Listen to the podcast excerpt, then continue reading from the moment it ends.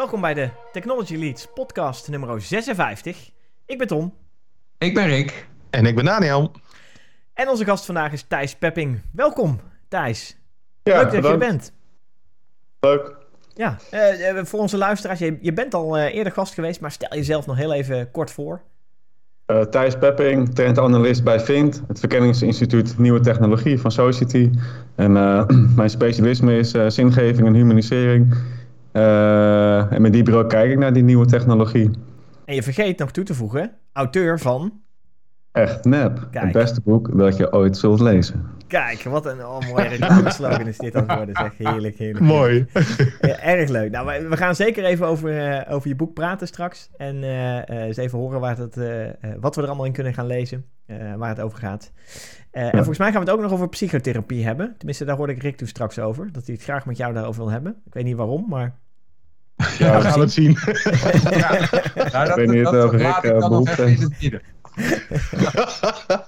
ja, misschien even een oh, aan een sessie of zo. Dat zou kunnen, dat zou kunnen. Nou, de, mag, mag Thijs dan invulling aan gaan geven dadelijk. Leuk. Uh, laten we beginnen met uh, onze tech-updates. Um, en ik ga gewoon lekker zelf beginnen. Daar heb ik zin in. Uh, ik heb een tech-update meegenomen die ik zelf wel leuk vond. omdat er AI in zit. En eigenlijk kun je dat natuurlijk overal instoppen of bijzetten. En dan kun je afvragen of het zo is. En in dit geval is het in een auto. Nou, dat, dat is op zich ook wel uh, um, gedaan, zou ik zeggen. Zelfrijdende auto's, AI-systemen, et cetera. Dus daar gaat het niet over.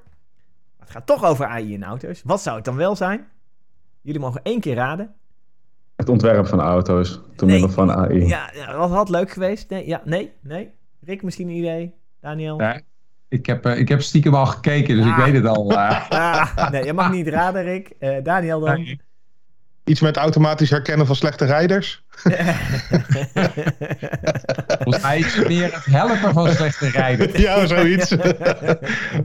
ja, dan kun je Preven, preventief stoppen van de auto. ja, ja, Nou kijk, daarmee kwam Daniel ineens heel dicht in de buurt met het stoppen oh van de auto.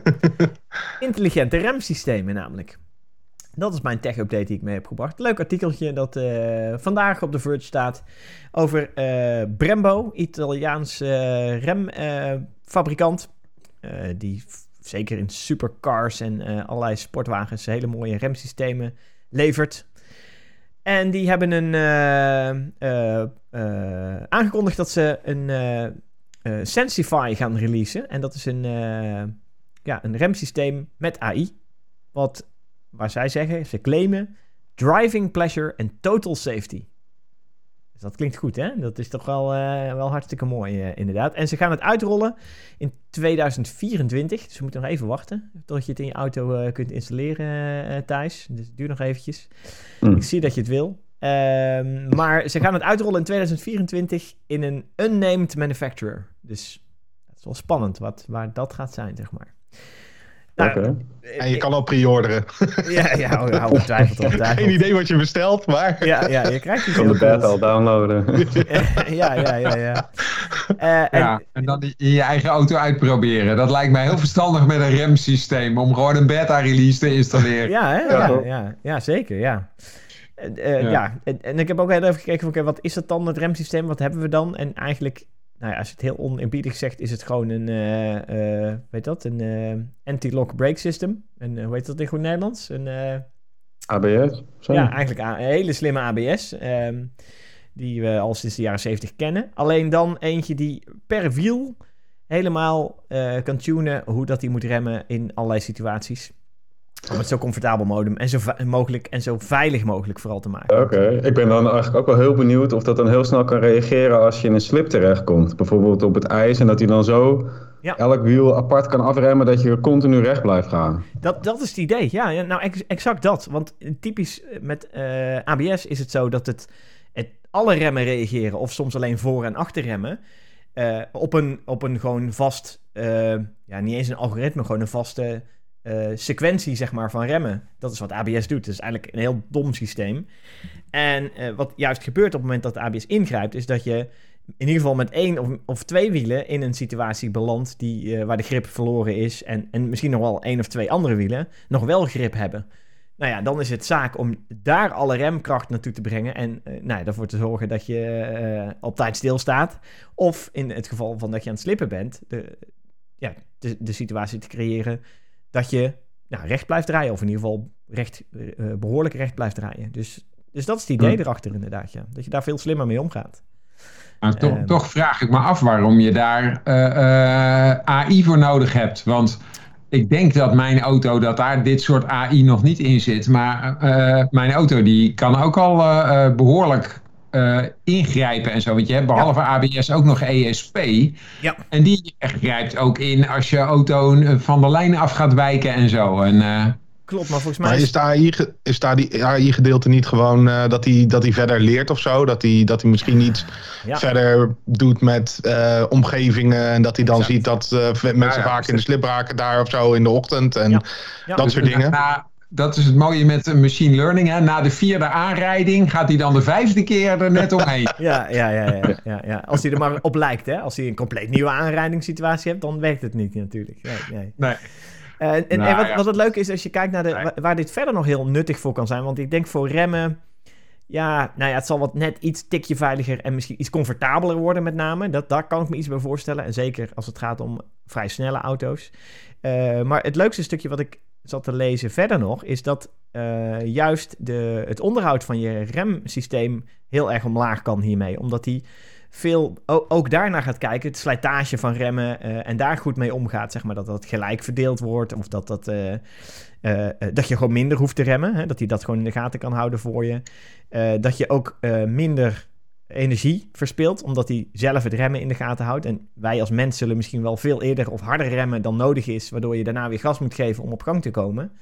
Maar met een slim remsysteem kan je veel later remmen, veel rustiger remmen, waardoor ook zeker als je het hebt over elektrische auto's, hè, regenerative braking, uh, kun je bijvoorbeeld je batterijgebruik optimaliseren ook. Dus er zijn nog best wel veel meer andere gebieden waar AI en, rem, en, en een slim remsysteem dus um, ja, nut kan hebben, behalve voor comfort en veiligheidszorg. Dus ik vond dat wel mooi. Um, ik vind het lang duren nog, 2024. Ik denk dat zou toch sneller moeten kunnen. Maar ja, aan de andere kant, het moet ook veilig zijn. En ja, dat is natuurlijk wel hè, met, met remmen toch wel een dingetje dat je niet zomaar een, uh, een AI, oh hier is wat data, leren, go. En nee, je wil, je wil hier zeker een uh, bedrijf als Brembo wil daar wel, denk ik, een heel veilig systeem uitbrengen. En ja, het artikel gaat ook nog verder over dat het uh, ontzettend veilig systeem is met twee zogenaamde Electronic Control Units, ECU's, die ervoor zorgen dat het helemaal een fail-safe systeem is. Hè? Als de een uitvalt, de ander over kan nemen. Ze zijn continu mhm. in connectie met elkaar, et cetera. Ja, zal, het, ja. zal het niet vooral liggen aan dat, dat het allemaal goedkeuring moet krijgen en zo in verschillende landen? Want ik neem aan dat ze die auto vast wel overal uitbrengen ongeveer. Ja, eens. Niet alleen in, uh, in Italië bijvoorbeeld, of weet ik veel waar. Ja, nee, ja, en dan moet er een onwijs traject aan vooraf gaan natuurlijk. Ja. Nou weet ik dat er in de automotive industrie een hele mooie ontwikkelmethodiek is en die heet Automotive Spice. En daar zijn hele fijne ASIL levels automotive safety integrity levels waar je aan moet voldoen. En die zijn inderdaad wel behoorlijk generiek. Uh, maar dat is wel een traject om doorheen te gaan en uh, om dat aan te tonen. Dus dat zal ongetwijfeld ook nog plaats moeten vinden, waardoor 2024 pas de eerste release gaat zijn. Commerciële release gaat zijn van deze remmen. Dus nog even wachten. Dat gezegd hebbende, Rick, wat is jouw tech-update? Nou ben ik benieuwd. Ik wil het hebben over cybercriminaliteit. Um, ik kwam namelijk een documentje tegen van het. Uh, oh, dan moet ik even de naam opzoeken. Het Wetenschappelijk Onderzoek en Documentatiecentrum van de Rijksoverheid. En. Um, een soort vind is dat toch? Uh, dat zou zomaar kunnen, ja. Maar dan voor de overheid. ja. Okay, Nou, en die schrijven over best wel boeiende onderwerpen. Het gaat over cybercriminaliteit. Ten eerste was ik al verrast hoeveel soorten cybercriminaliteit er eigenlijk zijn. Want ik denk dan al gauw uh, gewoon aan uh, traditioneel hacken. Maar ze hebben het dan bijvoorbeeld over DDoS-aanvallen, uh, malware bij banken, drugshandel op het dark web, crypto-communicatie, ransomware, phishing. Um, nou, zo, dus je hebt allerlei dingen waar ze mee bezighouden. En wat ik wel interessant vond, want je, je denkt bij opsporing van cybercriminaliteit aan iemand wordt gehackt, belt de politie en dan gaan ze zoeken. Maar blijkbaar, dat staat in dat stuk, is heel veel cybercriminaliteit wordt helemaal niet gemeld. Want heel veel mensen denken, oh jee, nou vervelend. En nou ja, die zetten hun backup terug of zo. Hè? In ieder geval. of de cybercriminaliteit is zo gehaaid dat mensen het niet eens doorhebben. Dus er is een heel apart, uh, een aparte unit bij de politie. En dan moet ik even de naam opzoeken. Het team High Tech Crime van de landelijke politie. Die gaan dus proactief cybercrime opsporen. En dan komen ze natuurlijk gelijk op het probleem dat heel veel cybercrime in het buitenland zit. En dan is het heel moeilijk om die mensen op te pakken. Dus waar je traditioneel de politie probeert de verdachte op te pakken, is het bij cybercrime vooral dat ze gewoon proberen om die activiteiten te verstoren. Dus het, het aardige is dan ook dat het document heet opsporen, vervolgen en tegenhouden van cybercriminaliteit. En, en de focus zit hem dus vooral op dat tegenhouden. Dus gewoon proberen uh, servers uit de lucht te halen en uh, dat soort dingen. Ja, of dus die Nigeriaanse prins eindelijk nou eens een keer tegen te houden. Ja, bijvoorbeeld. Ja. Die hadden ze wel mogen pakken inmiddels hoor. Hoeveel mailtjes die wel niet gestuurd heeft. Ja, ja inderdaad. Ja, ja. bizar hoor. Maar daar valt toch ook het, uh, die telefoontjes die ze verkochten zelf onder, denk ik. Uh, wat pas in het nieuws was. Dat, uh, ja, die PGP, die PGP-communicatie Ja, dat, ik vond dat wel een briljante actie van de politie. Hè? Dat je dus gewoon veilige telefoons gaat verkopen aan criminelen. En ja. zelf ja, het, het, het, het, schijnt dus te zijn dat ze dus het hadden verkocht aan een of andere crimineel in Australië of zo, was het volgens mij. Ongetwijfeld. En die kerel is zijn leven nu niet zeker, omdat hij dus al die dingen had doorverkocht. Ja, oh ja, ja. Ja. En aan iedereen had verkocht van, joh, dit is echt super veilig en weet ik veel wat allemaal. Ja. Maar nu zijn al die gasten die van hem die telefoons hadden gekocht, die, zijn, uh, die zitten achter hem aan, zeg maar. Ja, Dus uh, maar ik denk wel, uh, dat een, een neveneffect daarvan is dat criminelen nu geen enkele veilige telefoon meer vertrouwen. Exact. Dus dat tegenhouden werkt. Ja, dat is het grootste winst, hè? dat ze vertrouwen niks meer. Dus, nee, dus ze vragen familieleden om... Ja, die gaan met postduiven werken weer. Oh ja, vlagsignalen. Wat was nou bij uh, Ridouan Taghi, die familielid uh, als advocaat uh, aanstellen en dan dingen naar buiten proberen te brengen? Ja, bijvoorbeeld. Ja. ja. ja, ja maar dat is wel leuk. Dus ze zijn echt, de criminelen zijn echt genept hiermee dus. Ja. Dus, cool. Cool. nou ja, voor de rest, als, als onze luisteraars nog eens verder willen lezen, het document is in totaal meer dan 100 pagina's, cool. dus je kan er helemaal niet verdiepen. Ik geef onmiddellijk toe dat ik niet alles heb gelezen. Oké, oké, oké. Ah, oké, nou we gaan uh, in de toekomst er eens induiken. Wie, wie, wie weet moeten we daar uh, op dat vlak eens een, uh, een cybercrimineel uitnodigen als gast in, in onze Ja, laten we beginnen met een criminaliteitsbestrijder uitnodigen. Maar het is oh. een idee. Oh. Ik dacht die Nigeriaanse prins, die kunnen we toch wel vragen? Ja, natuurlijk. Stuur hem een mailtje. Ja. Stuur hem een mailtje, ja. Daniel. ik zal hem even replyen. Ja. Oké, nou, Daniel, spoor jij die prins even op. en dan... Uh, Misschien moeten we in de tussentijd ook even naar jouw tech-item gaan luisteren dan. Dat lijkt me een heel goed bruggetje, inderdaad. Daniel, wat heb jij mee? Want uh, verblijd ons. Ja, ik heb iets, uh, iets meegemaakt van de week. En uh, ja, ik, ik, ik, doe normaal dan uh, best wel wat conferenties mee en dergelijke. En natuurlijk sinds COVID is dat een stuk minder. er is heel veel online gebeurd in de tussentijd. Maar ik had van de week toevallig een uh, conferentie van Microsoft. De Ignite-conferentie, dat is een van de grootste conferenties die ze doen. Normaal doen ze die altijd in person dus. En dat doen ze nu al, volgens mij drie keer hebben ze dat nu uh, online gedaan. Mm-hmm. En wat ik wel grappig vond aan deze keer, was dat ze een, um, ja, een, een wat meer digitaal programma ook hadden. Uh, met betrekking tot dat ze niet alleen maar de, de sessies hadden waarbij ze zenden. Dus wat je gewoon uh, ja, videootje kijken, zeg maar, en een beetje reageren via de chat. En dat, dat is het zo'n beetje. Ja. Uh, maar ze hadden nu ook um, een sessie waarbij ze in VR.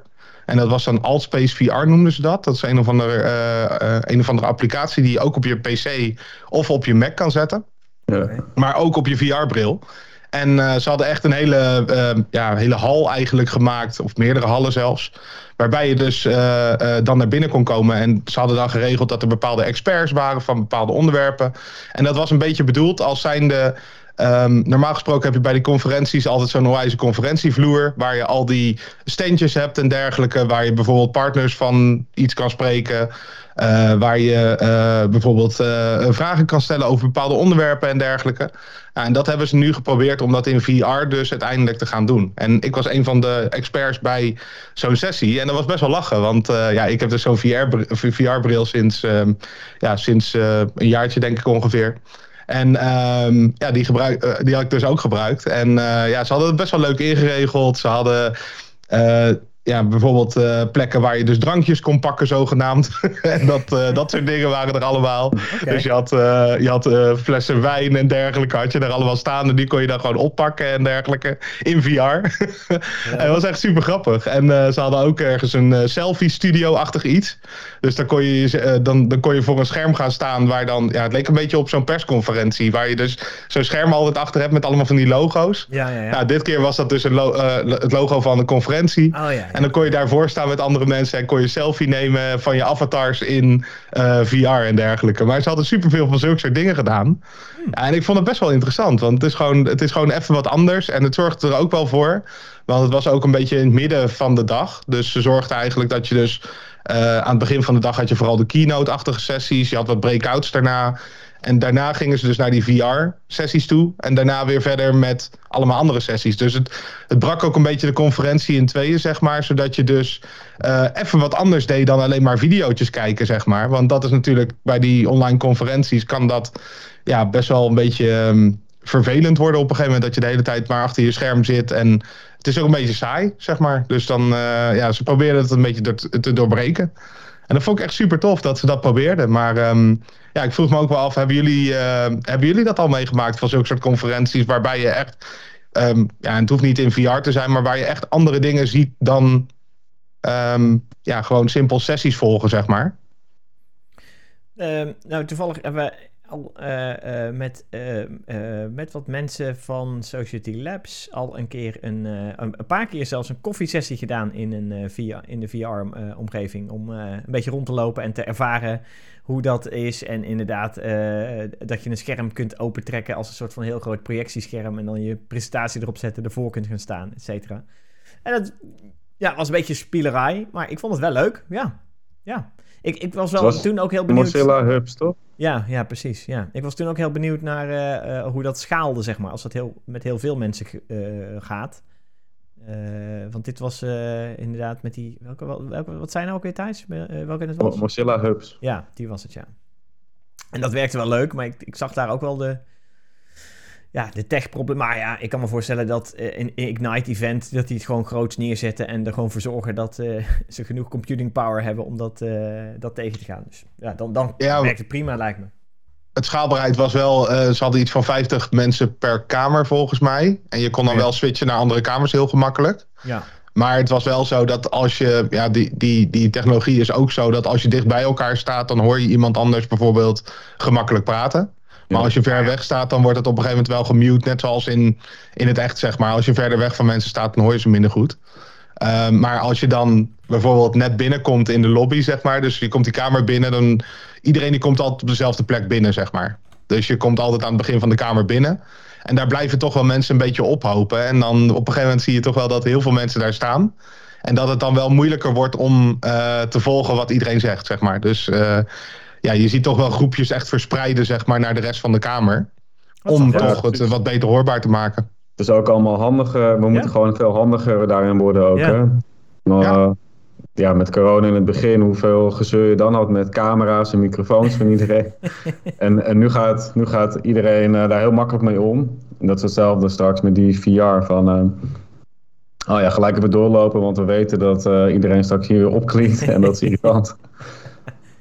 Ja. komt gewoon, uh, ja, die hele etiketten moeten we nog ontdekken. Ja, dat maar je hebt wel echt uh, leuke gesprekken gehad. Uh, ja, ja, ook echt met mensen. Ik, ik, moest wel lachen. Het ging echt van compleet onbekenden, die gewoon aan de andere kant van de wereld waren. Ik was bijvoorbeeld met iemand aan het praten uit Nigeria. niet een prins trouwens, maar dat terzijde. Oh, maar, ik zeg, was het je vriend? Ja. maar verder, uh, uh, verder kwam ik ook op een gegeven moment, was ik met iemand aan het praten. En dat was dus een Nederlander die ik ooit een keer in een sessie had gehad van uh, ja, een real life event. Ah, en die zei, ja. ik ken jou nog, want ik heb een keer een, een trainingssessie van jou gehad. En ik dacht echt, oh, Oké. maar die had natuurlijk ook zijn, zijn nickname had hij staan. Omdat het in VR was. Dus ik zag niet zijn hele naam gewoon. Dus uh, voor mij was het even van, ja, wie ben je dan? want dat, uh, dat zag ik niet. Het was gewoon een username. Dat is wel interessant, en, hè? Dat ja. je dus, want dat krijg je dus, blijkbaar, als we het hebben over etiketten, Thijs begint er al over. Dat je dus blijkbaar in VR-omgevingen gaan we nicknames gebruiken. Terwijl op een conferentie ja. hebben we allemaal gewoon een, een name tag met gooi je netjes je naam. Sterker nog, iedereen wil het liefst al zijn titels erop ook nog. En in, in de VR-wereld gaan we Mr. Flibble of uh, ja, weet ik het wat, Crazy Dog uh, 2056 gebruiken. ik had het laatst in Discord. In Discord, oh ja. Ja, dus dat is voor mij ook echt gewoon een game-omgeving. Ja. En, maar dit was opeens een zakelijke context. Oh, dat is apart. ja, heb ik ook gehad. Vond ik echt super tof. Het werkt best goed. Ja, maar toen was ik wel aan het zoeken van ja, uh, hoe wil ik mezelf nou uh, noemen? Van, uh, ga ik nou gewoon mijn game naam gebruiken met mijn normale avatar? of, of, moet ik nu een overhemdje profielfoto gaan nemen? Oh ja, ja. En wat is het geworden? Ik heb toen gewoon mijn game naam gebruikt. Oh, Neofix. Ik was de eerste Neofix ooit. En nu heb je Neofix 1, 2, 3, 4. en... En uh, wel in mijn beschrijving heb ik uh, gewoon uh, de, de naam van mijn site en mijn boek genoemd. Mm -hmm. oh, ja. Ja. Ja, ja, ik heb echt een aparte, aparte avatar gemaakt, of een aparte username. Oh, ja. Gewoon echt de zakelijke en privé dat dat wel gescheiden is, zeg maar. Ja. ja. Maar, ja, je ziet wel steeds meer van die bijzondere um, ja, conferentiedingen. Dat, wat, wat in het verleden helemaal niet zo was. Normaal had je gewoon een website waar je heen kon gaan, kon je inloggen of zo. En dan kon je gewoon video's volgen. Uh, maar nu zie je toch dat, dat heel veel mensen andere dingen ook gaan proberen. Dus nou dat Discord er bijvoorbeeld bij getrokken wordt, maar ook andere onderdelen. Ja, en, en ze worden ook creatiever. Want, want ik had pas uh, eind oktober had ik een conferentie online. Maar dat was een Duitse conferentie. En die hadden Oktoberfest online. ja, en dan hadden ze echt uh, de, een beetje in de stijl van uh, uh, Mario, dat soort spelletjes, dat soort graphics. Hadden ze gewoon een, zo'n heel veld met tenten erop. En daar kon je dan bier halen. Nou, daar waren dan ook mensen die inderdaad met enorme pullen bier zaten. Hoewel ze die dan toch uit hun eigen koelkast hadden gehaald, maar goed. en uh, ze hadden dus ook een podium. En als je dan bij het podium in de buurt kwam, dan had je ook van die muziek. Uh, nou, ik moet toegeven dat ik niet zo heel lang bij dat podium heb gestaan.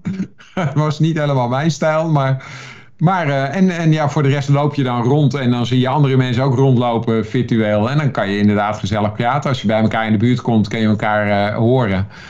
En uh, ja, dat, het, op zich werkt dat aardig, maar ik had wel zoiets van na, na, na drie kwartier dacht ik nou, ik heb het hier wel gezien. Uh, terwijl normaal op zo'n social event, ja, dan blijf je toch langer hangen en, mm. en is het toch op een andere manier gezellig. Uh, dus. Eens, ja. ja. Maar, maar het was wel leuk om gewoon wat mensen tegen te komen, met name uit andere landen die ik anders gewoon niet tegenkom. Want ja, op dit moment reis ik niet naar andere landen. Dus die mensen kom je gewoon niet tegen. En ja, dan is het wel leuk. Ja. Oh, ja. Top. Helemaal goed. Helemaal goed. Leuk. Uh, ja, eh, leuk hoe dat de nieuwe etiketten daar aan het ontstaan is en dat we dat aan het uh, ervaren zijn. Uh, ja, er gebeuren een hele hoop nieuwe dingen. op dit moment met het feit dat we alles online doen en online ontzettend veel mogelijkheden hebben ook om weer... de, de, resources zijn bijna oneindig ah ja, om en, en dat dingen te doen. Onze, dus- onze nieuwe realiteit is dus online, hè? Exact, exact. Dus is dat nou echt of is dat nou nep? Exact. Oh, we zijn een bruggetje. ja, ja, ja, ja, een bruggetje wel. Ah, je hebt hem door, je hebt hem door. Heel goed, heel goed. Ja. Nou ja, we hadden het net ook al over uh, uh, dat de, weet het, ehm, de cybercriminelen echt genept werden door mobieltjes te kopen. Dus we, we zijn al wel langzaam wat hints aan het droppen over echt, echt neppe dingen. Um, maar ja. dat komt natuurlijk, heeft natuurlijk een reden, want er is inderdaad een boek geschreven.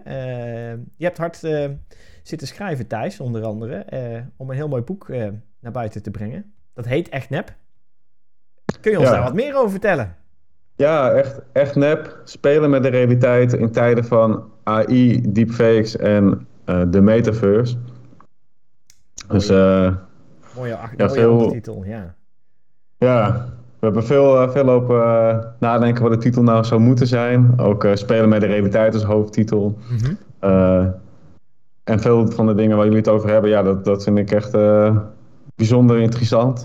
Van wat betekent dat voor ons als mens dat we steeds meer uh, in die virtuele omgeving gaan leven en uh, ja, wat, wat, wat willen we wel en niet doen. Dus uh, ja, ook alle nieuwe vormen van cybercriminaliteit.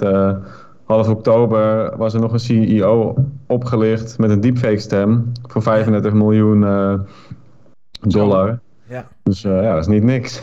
Nee. nee. nee, de mogelijkheden wat dat betreft zijn einde, echt letterlijk eindeloos. En inderdaad, de, de uh, computing power is er gewoon. Hè? Die is gewoon uh, voor een habbekrats beschikbaar om nou, die hele mooie deepfakes uh, te maken. En nou, wat pas nog in het nieuws was, dat is, is dat vorige week geweest of zo? Dat deepfake filmpje van Rutte over het klimaat. Ja, Van de correspondent. van de correspondent. Dat was, een hele rel over. Heel interessant. Ja. Want wat ik daar interessant aan vind, is dat er nu een discussie ontstaat van... Ehm, ehm, wat er dus gebeurd is zij hebben feiten over de klimaatverandering. Juist. Dus de inhoud is feit, is, is, is de waarheid, is, dat zijn feiten. Maar de vorm, dat is een nieuwe vorm van uh, satire of parodie. Of... Mhm. Net hoe je het noemen wil, ja. ja. Dus uh, er is uh, bijvoorbeeld iemand van de NRC die beticht nu de correspondenten van, Wouter van Noord, ja, dat, dat dit eigenlijk niet kan. Dat dit eigenlijk waarheidsondermijnend is en dat dit een gedeelde waarheid ja, de fundering daarvan weghaalt. Als zelfs journalisten zo gaan spelen met de realiteit om een eigen boodschap over de bühne te krijgen, mhm. ehm, ja, dan is het einde zoek volgens bijvoorbeeld Wouter van Noord. Ja. Uh, en uh, de correspondent die verdedigt dat van ja, we hebben, zijn heel transparant geweest in dat dit een deepfake is. Ja. Ook al komt dat pas in het filmpje volgens mij na zeven minuten naar mhm. voren. Ja, uh, maar de context waarin het filmpje wordt aangeboden, het artikel, dat, daarin, daarin zijn ze wel echt heel transparant. En dan heb je weer de, de vervolgstappen van ja, iedereen kan het filmpje pakken, kan de dingetjes uitknippen en uh, het zo uh, positioneren en framen zoals ze willen. Mm En wiens verantwoordelijkheid is dat? En dan zegt de correspondent weer van ja, um, dat, uh, dat, dat ligt buiten onze macht. En dan is het tegenargument weer van ja, dat hebben Facebook en zo ook altijd gezegd. Wij zijn neutraal en wat de mensen ja. ermee doen, dat is ja, in, aan hun. Wij bieden alleen Facebook de technologie. Doet, ja, ja, ja. Ja. ja. ik ben wel benieuwd, hoe, hoe gaat dat dan met de correspondent? Want uh, ik neem aan, de correspondent is best wel een kritisch medium. Die kunnen ook bijvoorbeeld tegen Facebook kunnen die ontzettend kritisch zijn. Maar hoe, hoe reageren ze op zo'n argument dan? Want ik kan me voorstellen dat, dat, dat de correspondent in het verleden best wel eens een keer wat tegen Facebook heeft gepubliceerd, zeg maar. Ja, uh, nou ik vond hun, uh, hun verweer hierop op dat laatste argument van je hebt een bepaalde verantwoordelijkheid bij het maken van, van zo'n filmpje dat ze dan zeggen van nee, dat, dat ligt aan de eindgebruiker. Mhm. ik, ik, weet niet meer precies wat ze zeiden, maar ik vond het, vond het uh, niet sterk. Van, nee. Ja, ja. Blijft er een bepaalde verantwoordelijkheid bij jou liggen als maker. Ik zit, ja, wat vond je eigenlijk van het filmpje? Uh, nou ja, dat we, ik, ik, ik ben blij dat het gebeurt omdat er gewoon discussie over ontstaat. En het zijn gewoon nieuwe vormen die nu uh, ontdekt worden. Dus ik sta er heel abstract in van uh, zolang die discussie maar gaat, dan komen we er wel met z'n allen goed uit. Mhm. ja. Ik vond het filmpje zelf inhoudelijk sterk. Uh, maar wat je wel ziet is dat het veel over de deepfake gaat en weinig over de inhoud. Maar het gaat weinig over de klimaatverandering. Ja, dat, ja, precies. Dat was natuurlijk de bedoeling geweest, dat die, die discussie aangezwengeld werd. En nu gaat het over de deepfake en over de vorm in, in, in plaats van de inhoud. Mhm. En uh, ik zat gelijk te denken, ja, uh, is dit niet de next step na... Uh, we hebben in Nederland natuurlijk ook gewoon de speld, hè, met, met nieuwsartikelen. Ja, dat zijn nieuwsartikelen die gewoon in tekst zijn met een, met een kop en, en, een, en een stuk tekst. Wat natuurlijk, uh, wat dan weer niet feiten zijn, maar verdraaide feiten zijn, zeg maar. Maar wel mhm. expliciet als zijnde, hey, dit, dit, dit, is, dit is een nep-artikel, zeg maar. En ook bedoeld om discussie aan te zwengelen of een stukje satire te bedrijven. Ja. In hoeverre is dit in, in dezelfde hoek? Hoe vind je dat dit in dezelfde hoek ligt? Of, of is dit echt iets anders? Ik vind dat het heel erg in dezelfde hoek ligt. Uh, ik moet nu denken aan een uh, hoogleraar van me die uh, niet, niet wist van de speld acht jaar geleden. Ah. En daar heel erg, heel erg boos werd over een artikel van... kijk eens hoe oh, slecht de journalistiek is van tegenwoordig. Ja, ja, ja, Dat deelde die op Facebook. Het was een beetje gênant om aan te zien. Van, iedereen wist van dit is de speld en hij ja. Ah, ja. ja, dat krijg je. Dat heb je inderdaad, dat soort situaties. Ja. En, en nu met video Ja, als straks iedereen weet van deepfakes, dan is het uh, weer een ander verhaal. Maar op dit moment vraag ik me wel af of we niet gewoon heel dik een stempel op zo'n video moeten zetten. Gewoon erin branden. Ja. Uh, dit, is, dit is nep. Dus niet in de context. Niet in het plaatsen van het artikel, want die is zo weg. Je pakt het filmpje, je embed het op een andere site en dan is de hele context weg. Eens. Ja, ik vond, ik vond de, de, het filmpje, de, de video vond ik goed. Alleen de audio, daar had ik wel zoiets van, hmm, dat is hem nog niet. Oh, je bedoelt of ik hem kwalitatief goed vond? Nou, nu, nu, nu zeg ik dat, maar dat, uh, nee, gewoon überhaupt, wat vond je ervan? Maar nee, uh, ik, vond, ik vond het zelf, vond ik, uh, vond ik zeg maar de video vond, vond ik echt goed. Maar dat zie je wel vaker. Ja. Dat zie je ook bij die van, ja, hoe heet die gast ook weer? Deep, Deepnap of zo? Wat, er is zo'n ja, zo'n YouTube kanaal. Bob de Jong, die heeft deze ook gemaakt, hè? Ja, ja, ja, ja die kan het supergoed. Ja. Ja, nee, de stem was niet goed inderdaad. Daarin nee. uh, erkend. En daar, die lopen ook gewoon überhaupt achter hoor. Synthetische uh, stemmen of deepfake stemmen. Daarin zijn ze nog niet zo ver. En als je dat wil maken. Ik heb laatst met Resemble AI gesproken. Mm uh, een van de beste start-ups op dit gebied. En ja, al wil je dan een demo, of al, wil je echt een synthetische stem maken, dan moet je, ik dacht 45 minuten hele goede audio-opname aanleveren zonder achtergrondgeluid aan één stuk opgenomen. En dan uh, uh, de kosten die je dan uiteindelijk had. En dan kon je dus gewoon het intypen met, met die stem daarna. Dat was uh, eh, 15.000 dollar. Ik weet niet of het netjes is om te zeggen. dan had je access tot het platform en die stem voor twee maanden. Oké. Oké. En dan kon je onbeperkt kon je eigenlijk dingen genereren. Voor, die, voor die twee maanden dan. ja. Dus volgens mij houden zij een eigendom over die synthetische stem. Ja, ja. Dat is wel interessant. En dan moeten ze natuurlijk wel toestemming hebben van, van degene van wie je die stem pakt. Ah, oké, dat is wel interessant. Nou, ze gaan dus ook voor een soort subscription model. Maar dat is natuurlijk wel interessant, omdat je wel zelf ook iets levert. waar je daarna zelf een, een subscription model van wil hebben. Hè? Dat, in dit geval de stem, zeg maar. Je levert een stem en daarna krijg je de ja, maar dit is natuurlijk een, een, een tijdelijk model. Hè? Want, want nu kost het nog 15.000 dollar. Maar als we vijf jaar verder zijn, dan kun je dat ook gewoon op je smartphone. Ja, maar ik zit te denken, waarom, waarom zou je het willen? Want ik, als ik nou van mezelf een, een, een, een, deepfake stem, een synthetische stem wil hebben... Waarom, en, en het kost me zoveel geld... dan kan ik toch beter alles wat ik ermee genereer gewoon zelf inspreken? Nou ja, maar stel je wilt bijvoorbeeld het nieuwe boek van Thijs voor laten lezen... Dan, dan, dat wil je liever niet zelf doen. Dus dan denk je, nou, ik doe gewoon een stem die dat prettig bij dat boek past. En dan uh, laten we die stem gewoon dat boek voorlezen. Uh, dat is de stem van David Attenborough. Ja, bijvoorbeeld. Ja, oh zo, oké, maar die service, dan, het is niet zo dat je alleen maar je eigen stem kunt synthetiseren. Je kunt dan kiezen uit welke stem je wil hebben voor dat Ja, je moet wel, maar stel dat je, een, een, dat je dat met David Attenborough afspreekt, van dan mag ik jouw stem synthetiseren. Ja, dat lijkt me fantastisch om daarmee boeken voor te laten lezen. Ja, ja. Dus uh, dat, dat is een nieuw vorm. Dat is ook met deepfakes en, en acteurs en reclames en zo. Ja. Je krijgt gewoon een, een digitale uh, twin, of uh, ja, dat is niet echt het goede woord, maar digitale ja, van een ja. uiterlijk of een, of, of een stem. Precies, ja, ja, ja, ja. Een soort humanoïde versie, robotversie, zeg maar. Ja, er is toch ook al eens zo'n deepfake reclame geweest van een of andere, ik geloof een voetballer die in zeven talen uh, ergens reclame voor maakte. En daar hadden ja. ze dat ook allemaal uh, gefaked. Ja, er zijn er nu best wel veel casussen van. David Beckham die in negen talen voor malaria waarschuwde, inderdaad. Nou, dan word je in je moedertaal aangesproken, heel, heel indringend. Hulu Sports heeft tijdens corona meerdere uh, reclames gemaakt voor basketballers en zo, die in een bubbel zaten en niet naar de opnamestudio konden. En nu in India heb je met een uh, chocolademerk en die hebben ook een bekende tv-ster uh, ingezet. En dan kunnen hele kleine lokale shops, die kunnen dan met een deepfake, kunnen ze dan een reclame maken voor een eigen lokale shop met die hele bekende tv-ster. ah, oké. Ah, dat vind ik wel weer leuk, ja. ja. Dat is op zich leuk, ja. Dat is een mooie toepassing inderdaad, ja. ja. Maar dus er zijn ook wel...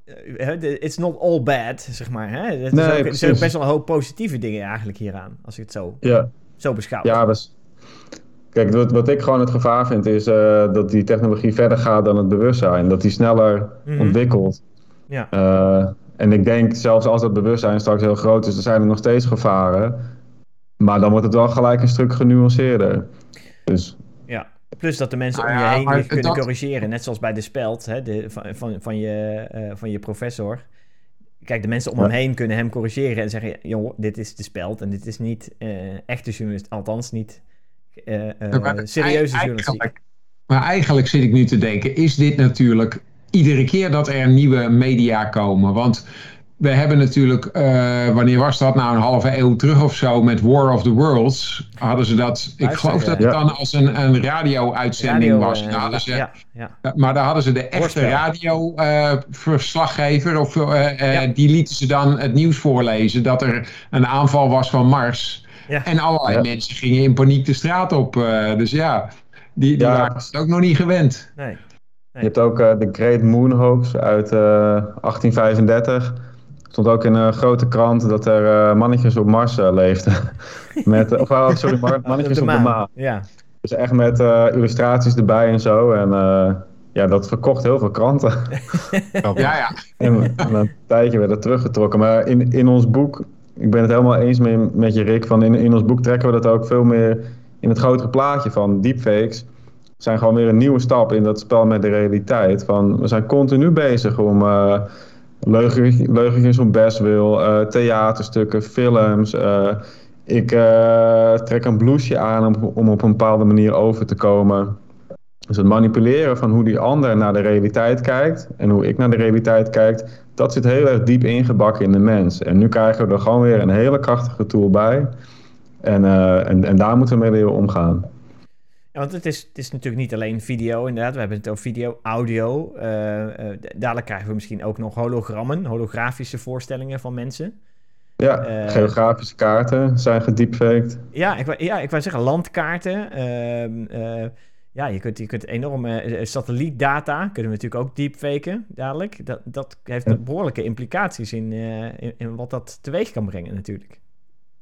Ja, precies. Dus die, die, die mediawijsheid, die, die wordt ongelooflijk belangrijk. Van wat is de context waarin ik het lees? Uh, hoeveel bronnen zeggen dit? Welke bronnen zeggen dit?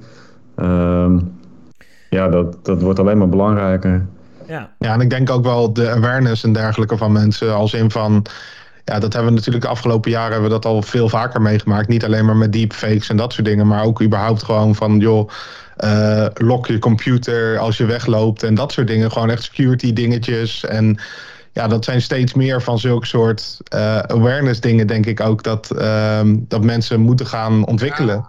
Ja. nou, dus- dat is aan de ene kant waar, maar aan de andere kant gaan mensen ook juist de, de, uh, gebruik maken van nieuwe mogelijkheden om dingen te doen die eigenlijk niet kloppen. Want dat mhm. vond ik een mooi voorbeeld in het boek. Uh, ik heb al een stukje gelezen in het boek en daar staat een voorbeeld in van een man die heeft gewoon een restaurant geopend op, wat was het, TripAdvisor of zo, een of ander en, en die is daar beoordelingen op gaan zetten. Maar dat hele restaurant bestaat niet. En op een gegeven moment staat hij gewoon op één in de restaurantlijst.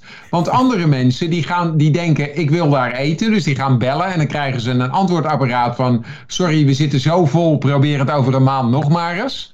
En, en, dan, en dan willen ze niet tegen hun vrienden zeggen van ik ben daar nog nooit geweest. Dus die posten gewoon een fake uh, beoordeling van dat restaurant. Om maar te kunnen zeggen dat ze daar wel gegeten hebben. Terwijl het hele restaurant niet bestaat. Het is, het is een fake gebeurd. Even, uh, hoe noem je dat? Beleving, belevingen. Hè? We willen graag altijd beleving hebben. Als je op reis gaat of een restaurant uit eten. Mhm. Beleving. Dus in dit geval is is niet alleen de beleving fake, maar iedereen faked ook dat hij de beleving heeft meegemaakt. Ja, ja. maar dat is hetzelfde als vroeger met uh, concerten. Dat, uh, dat ongeveer, uh, ja, volgens mij is dat een voorbeeld van, van Nirvana, oh, volgens mij.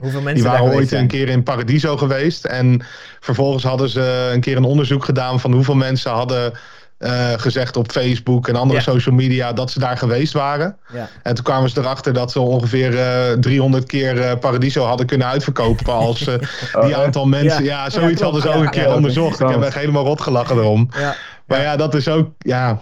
Um, dat, dat, dat mensen daarover liegen en dergelijke. Ja, je moet mensen denk ik ook, het is weer awareness. Je, je moet mensen ook leren om dat te kunnen herkennen dat zo'n restaurant bijvoorbeeld niet bestaat. Hoe ga je dat onderzoeken? Ja, uh, hoe onderzoek je überhaupt dat nieuws niet klopt, zeg maar? Dat soort dingen. Ja. Nou ja, en met dingen meemaken is het ook nog zo dat, dat je hebt dat als maar heel veel mensen praten over wat ze meegemaakt hebben, dat je bijna zelf gaat geloven dat je het ook meegemaakt hebt. Ja. Dat heb je ook nog. Ja, precies. Ook uh, fake herinneringen. Van, ja. uh, ik weet ook nog met een onderzoekje dat ze gingen vragen na zoveel jaar. Uh, weet u, herinnert u zich nog de foto's van de, van de Bijlmer-crash?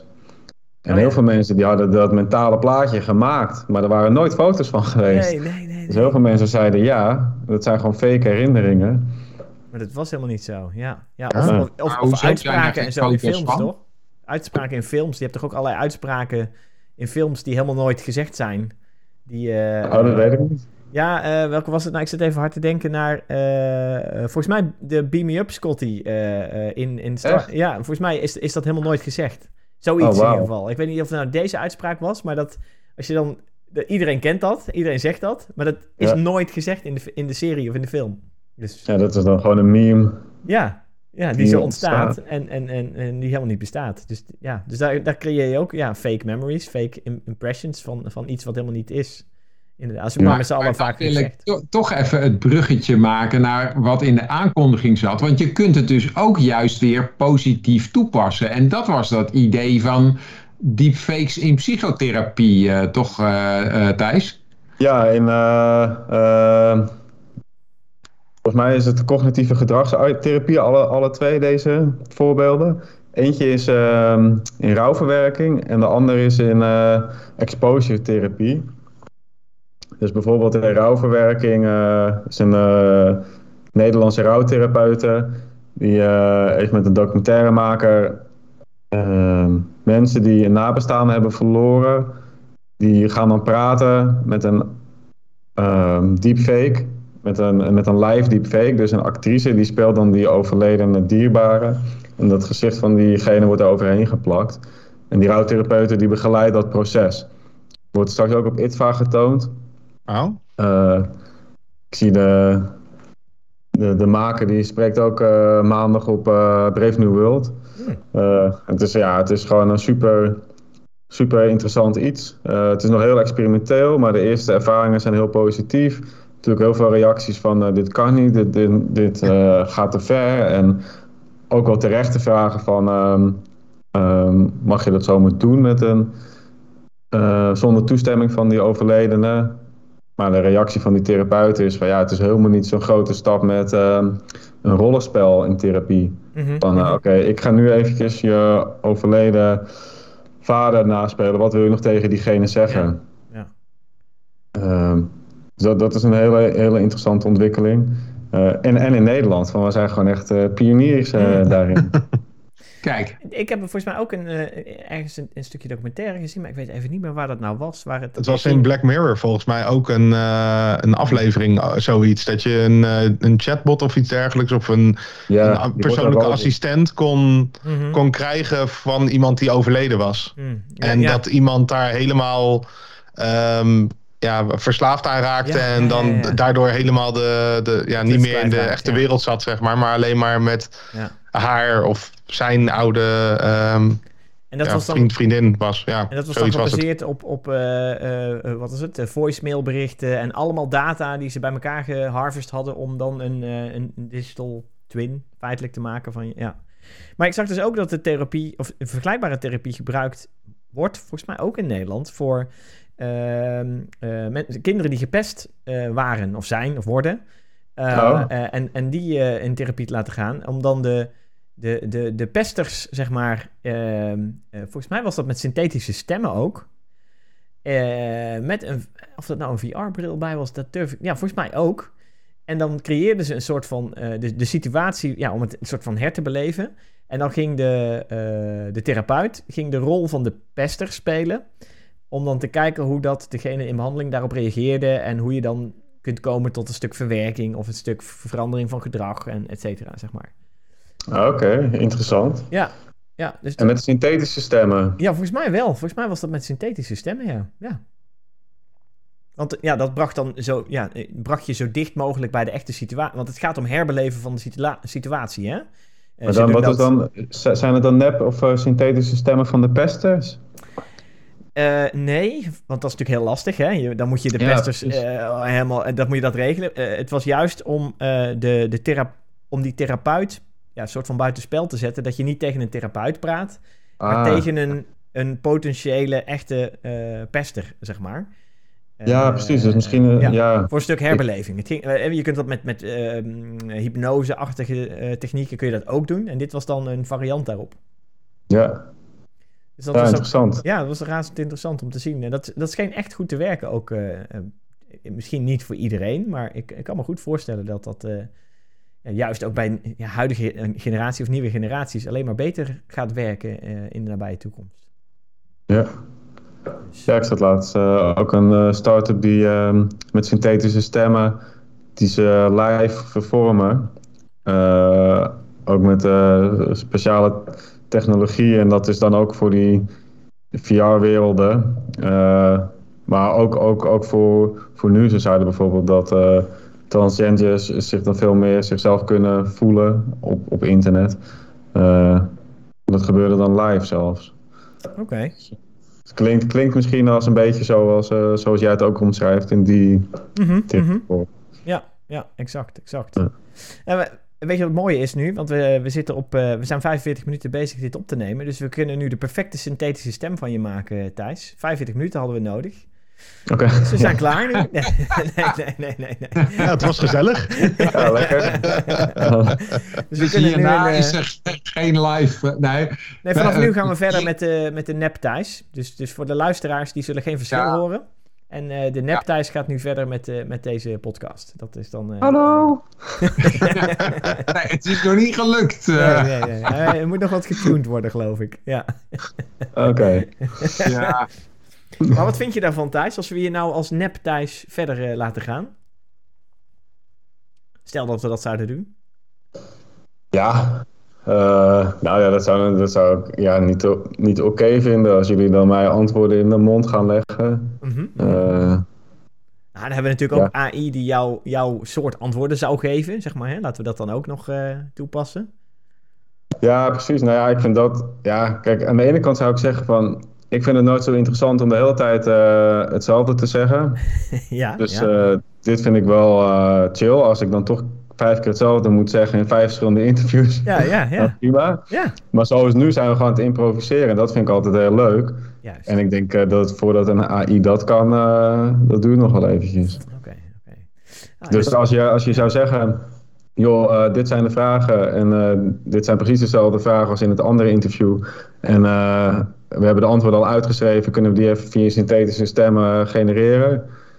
Ja, dan ben ik toch wel geneigd. Misschien wel Ja, ja, wel, ja. ja. Je gaat wel voor gemak. Je gaat wel voor gemak. En wat als van tevoren is, zeg maar. Dus uh, je, wordt, je krijgt gewoon een interview. Interviewvragen krijg je van ons uh, krijg je gewoon binnen. Dat je het in kan vullen en dat wij dan vervolgens uh, jouw deepfake dat laten zeggen. Ja, ik, ja voordat mensen... Scheelt je wel tijd, hè? Ja, het, ja, het is natuurlijk helemaal niet leuk om naar te kijken. Want, want tot nu toe zijn al die avatars nog heel emotieloos. En uh, ja, mijn stem, mijn echte stem is ook heel monotoon. maar, uh, voor de luisteraars die dus zich nu afvragen of het nou echt een echte Thijs of nep Thijs is. dit, dit is... Uh... Ik gooi wel, wel, wel weer even wat uh, intonatie uh, in mijn stem.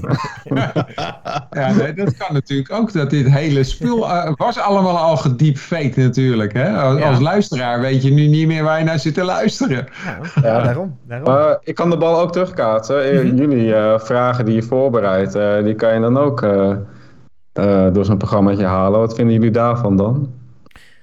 Ik zou zeggen, als, je, kijk, als we een, als je een doen, interview ja. gaat doen over de meest actuele beurskoersen, dan lijkt me dat uitstekend geschikt om dat helemaal virtueel te doen. Want dat is, dat is zonde van de energie om dat te gaan doen. Maar als je, zoals wij, gewoon een, een gesprek hebben over waar gaat het naartoe in deze wereld. Dan, dan, dan kan je dat haast niet scripten. Dat, dat kan je niet van tevoren bedenken. Want de vragen die wij nu stellen, hadden wij niet een uur geleden wisten wij nog niet dat wij die vragen zouden gaan stellen. Nee, precies. Kijk, een, een beginnetje zie je al in die automatische replies hè, op mailtjes. Dus dat Google uh, uh, Gmail al adviseert van uh, ja. reageer op zo'n manier met een duimpje omhoog en ja, oké, okay, ja, bedankt. Ik weet niet, gebruiken jullie dat al? Ik gebruik in e-mail in, uh, in de Outlook, uh, gebruik ik het heel... Want dan, hij maakt zeg maar zeker de introducties en eindes. Ja. Doet hij allemaal suggesties. En met een tab autocomplete... Het is eigenlijk autocompletion voor de lazy. Hè? dat is, en dat gebruik ik best wel veel. Steeds meer en meer. Ja, ja ik ben ook Denk lui. Je dat dat, Sorry? Ik ben ook heel lui, dus ja, uh, doe ik ook altijd. Kom maar door. Denk je dat, ja. Word je dan een soort eenheidsworst of uh, niet? Nou, het is vooral met de beleefdheidsvormen is het handig. Want het, dat is gewoon heel... Eigenlijk is het ook weer wat jij net zei. Ja, de saaie stukken die heel repetitief zijn. En dat is natuurlijk met automation in generiek is dat zo. Uh, uh, ja, dat wil je het liefst automatiseren. Dus elke keer als ik zeg... Beste Thijs Pepping... Uh, bedankt voor je mailtje. Nou, dat vult hij voor mij automatisch in. En daarna schrijf ik een eigen stukje. En daarna uh, aan het eind zeg ik, uh, nou, met vriendelijke groeten. En als ik met de M al begin, zegt hij met vriendelijke groet, Tom van de Ven, signature, blablabla, hele riddle. Nou, tap, klaar, send. Dan hoef ik dat allemaal niet meer te typen. Dat is heerlijk. Ja, precies. Dus ook daar zit ik in het, op het niveau van, nou ja, hè, net wat jij net zei, Thijs, over vijf keer hetzelfde interview doen en vijf keer hetzelfde antwoorden geven. Ja, uh, ik typ misschien wel duizend keer op een gegeven moment hetzelfde introductietje voor een mailtje en, en dezelfde outro. Ja, als die dat nou herkent en, en nog een paar varianten daarvan herkent, dan heb ik nog een beetje variatie ook naar, naar de lezers toe, zeg maar. En, en is het gewoon uh, werk uit handen nemen. En dat, dat, dat mag nog wel iets verder dan alleen maar beste thuispepping en met vriendelijke groet. Mag nog wel iets meer van mij, maar ja, een stukje creativiteit wil je wel behouden. Ja, precies. Oké, dus het uh, ontlasten en dat zorgt ervoor dat je meer aandacht hebt voor uh, de belangrijke stukken. Voor de creatieve dingen. En dat is wel grappig. Dat is natuurlijk in real life met werk en zo ook. Uh, uh, als wij een klant voorstellen, weet je, al dat repetitieve werk, dat gaan we voor je automatiseren. En dan kun je zelf lekker bezig blijven en bezig gaan met alle creatieve, moeilijke, hele complexe dingen. Dat is toch veel leuker dan de helft van je tijd ook nog aan dingen te doen die je elke week opnieuw moet gaan doen. Ja. Feitelijk ja. geldt dat overal. Ja. Dus, nou... Uh, ah. Ik vond dit in ieder geval heel erg leuk. Ja, ja. kijk, kijk, goed zo, goed zo. Ik ga nu heel hard nadenken over... Uh, bedenk ik mij net ineens voor het uh, verwerken van deze podcast. Want ik moet nog wat dingen doen, meestal na de opname, om de audio een beetje op uh, goede kwaliteit te brengen. de dingen achter elkaar te plakken, op de juiste plek te zetten. vervolgens moet die opgeslagen worden, geëxporteerd worden, met wat metatags erin gezet worden. Die moet geüpload worden naar de Anchor site. Daar moet een stukje tekst bij komen. En er moet een release datum komen. Ja, er zitten best wel stappen in die te automatiseren zijn, die ik altijd doe. Maar er zitten ook wel stappen in die gewoon relatief complex zijn. Omdat een, uh, uh, een opslaan als een mp3'tje en alle metatags toevoegen die passen bij degene die ik op dat moment aan het verwerken ben. Want soms nemen we Engelse podcasts op, soms Nederlandse. Welk volgnummer moet die hebben bijvoorbeeld? Dat soort dingen. Dat is nog lastig te automatiseren. Althans, ik denk dat het wel kan, maar ik denk dat het heel veel effort kost. Ik zie Daniel knikken. Die gaat het wel oplossen voor mij, geloof ik. Ja, even een weekje. Oké. Ja. nou, een weekje vind ik al best wel veel eigenlijk hoor, een weekje. Ja, ik zeg niet dat ik morgen tijd heb. Oh, oké, oké, Ja, ja, ja. Ja, ja. ja. Daar, daar, maken we dan weer een volgende podcast over. Precies. Over hoe we de podcast geautomatiseerd hebben. Ja, dat lijkt me een hele goeie, ja. ja. En over een maar paar jaar... Echt, dan, maar dan wel een echte podcast. Geen nep-podcast. Ja, nou ja, of, we, we, laten hem helemaal genereren door AI. Oh ja. oh, ik zit gelijk te denken aan experimentjes. Dat we dingen. Eh, ja. Uh, moeten wij het dus offline over hebben met, met je thuis? Om te kijken of we een keer een podcast kunnen maken die zoveel mogelijk gefaked is. ja, of zoveel mogelijk plekken gefaked is waar mogelijk. En dan eens luisteren hoe dat aanvoelt. Nou, ik denk dat we voorlopig eerst maar gewoon het boek gaan lezen. Ja. En uh, dan daarna wel weer eens even verder inspiratie op doen. Uh. Lijkt me een heel goed idee. We zetten de link uh, yes. naar het boek in de show notes. als ook de tech updates natuurlijk. En dan kan iedereen daarmee aan de gang. Goed, dank Thijs voor je tijd.